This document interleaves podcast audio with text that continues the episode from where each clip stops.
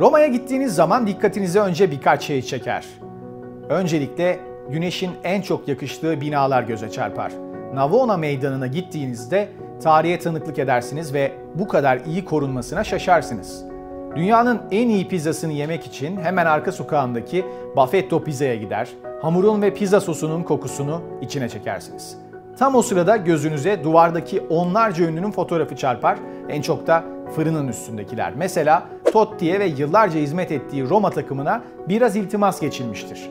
Evet, Roma derbisinin mavi tarafı Roma'nın içinde pek de sevilmez. Bunun belli sebepleri vardır. Öyle ki hizmet ettiğiniz garson belki de fanatik bir Romalıdır ve elinizdeki Fenerbahçe çakmağını görüp size daha iyi hizmet bile verebilir. Sırf bir sezon önce Lazio'yu eleyen takımı tuttuğunuz için. Neden sevilmez bu Lazio peki? Ve Lazio'nun İtalyan faşist devrik lideri Benito Mussolini'nin büyük torununu transfer etmesi bir tesadüf müdür? Oda TV'ye hoş geldiniz. Ben Çağrı Develioğlu.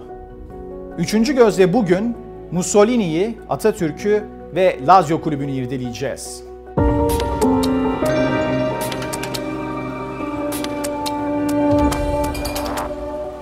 Mussolini enteresan bir kişilik. Kişilik bozukluğundan mıdır bilinmez, gençliğinin ilk demlerinde ateşli bir sosyalistti. O kadar ki Gazi Mustafa Kemal Atatürk'ün yıldızının parladığı Trablusgarp Savaşı'nı protesto etmek için fabrika işçilerini örgütleyip protesto başlatmıştı. Akabinde Komünist Parti maaşına zam işine son verdi. O da soluğu ezeli rakip sağcılarda aldı. Almakla kalmadı, Faşist Parti'yi kurarak İtalyan tarihine kara bir leke sürmek için harekete geçti. Öyle ki Mustafa Kemal Atatürk'le yolları bir kez daha kesişti. Mussolini'nin ve İtalyanların öyle istekleri varsa bunu Sefir Bey'e iletmesinler. Gelip Antalya'yı almak için yığsın askerini oraya. Rivayet odur ki 2. Dünya Savaşı'ndan hemen önce Atatürk'e Il Duce elçisini gönderir. İzmir'i vermezseniz Rodos'ta konuşlandırdığım 40 bin asker saldıracaktır der. Atatürk cevabını bir gün sonra verir. Söyle o herife 40 bin kişiyle İzmir'i o alamaz ama ben 4 bin Mehmetçik'le Roma'yı alırım. Atanın manevi kızı Afet İnan buna benzer bir olayı doğrulamıştır. Hatta Atanın İtalyan sefirine söylediği şu sözler Times dergisine kapak olmuştur. Your trouble will be to find burying room. Bu cümleyi sefire bizzat Fransızca iletmiş ve geldiğiniz asker sayısı kadar mezarda kazın demiştir. Hatta Afet İnan, Atatürk'ün öngörüsünün ne noktada olduğunu şu anekdotla anlatmıştır. Mussolini için hakikaten memleketi için iyi bir insan değil derdi. Bir gün dedi ki, bunu göreceksiniz, ayaklarından asacaklar. Ben şaşırmıştım. Ne demek ayaklarından asacaklar? Evet, öngörüsü müdür nedir bilinmez. Gerçekten de 2. Dünya Savaşı itilaf devletleri için sarpa sarınca sınırda yakalanan Mussolini'yi Hitler kurtaramaz ve Il Duce öldürüldükten sonra ayaklarından asılarak sergilenir. Birini ailesinin yaptıklarıyla yargılamak haksızlık olabilir. İşte Mussolini'nin ailesi için de aynı şeyleri düşünmek gerek. Oğlu Roman Mussolini savaş çıktığı sırada keman çalmakla meşguldü. Kendisi caz müziğe gönül veren, resim sanatıyla ilgilenen, Oscar Peterson'ın deyimiyle hafiften melankolik bir kişiydi.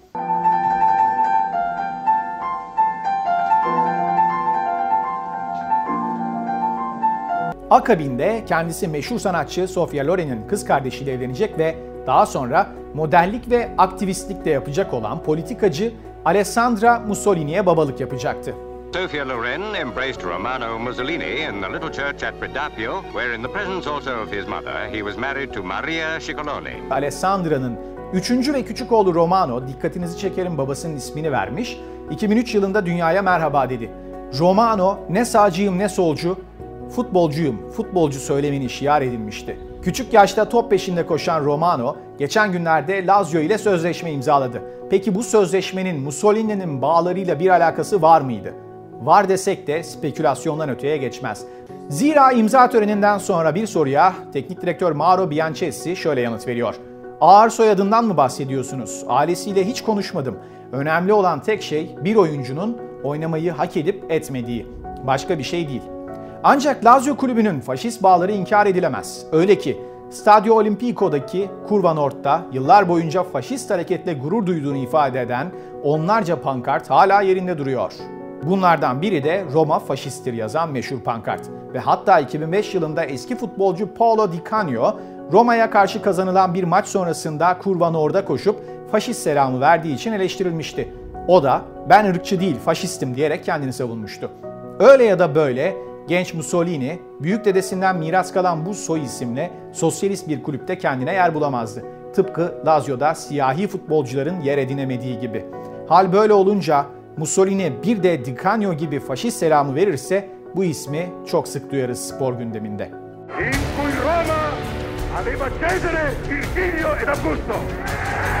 Sizi bu gerçeklerden hangisi çok şaşırttı? Yorumlarınızı yazmayı unutmayın ve Oda TV'yi hemen takip edin. Görüşmek üzere.